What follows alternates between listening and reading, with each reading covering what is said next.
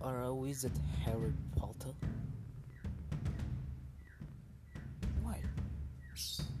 Because you don't have family.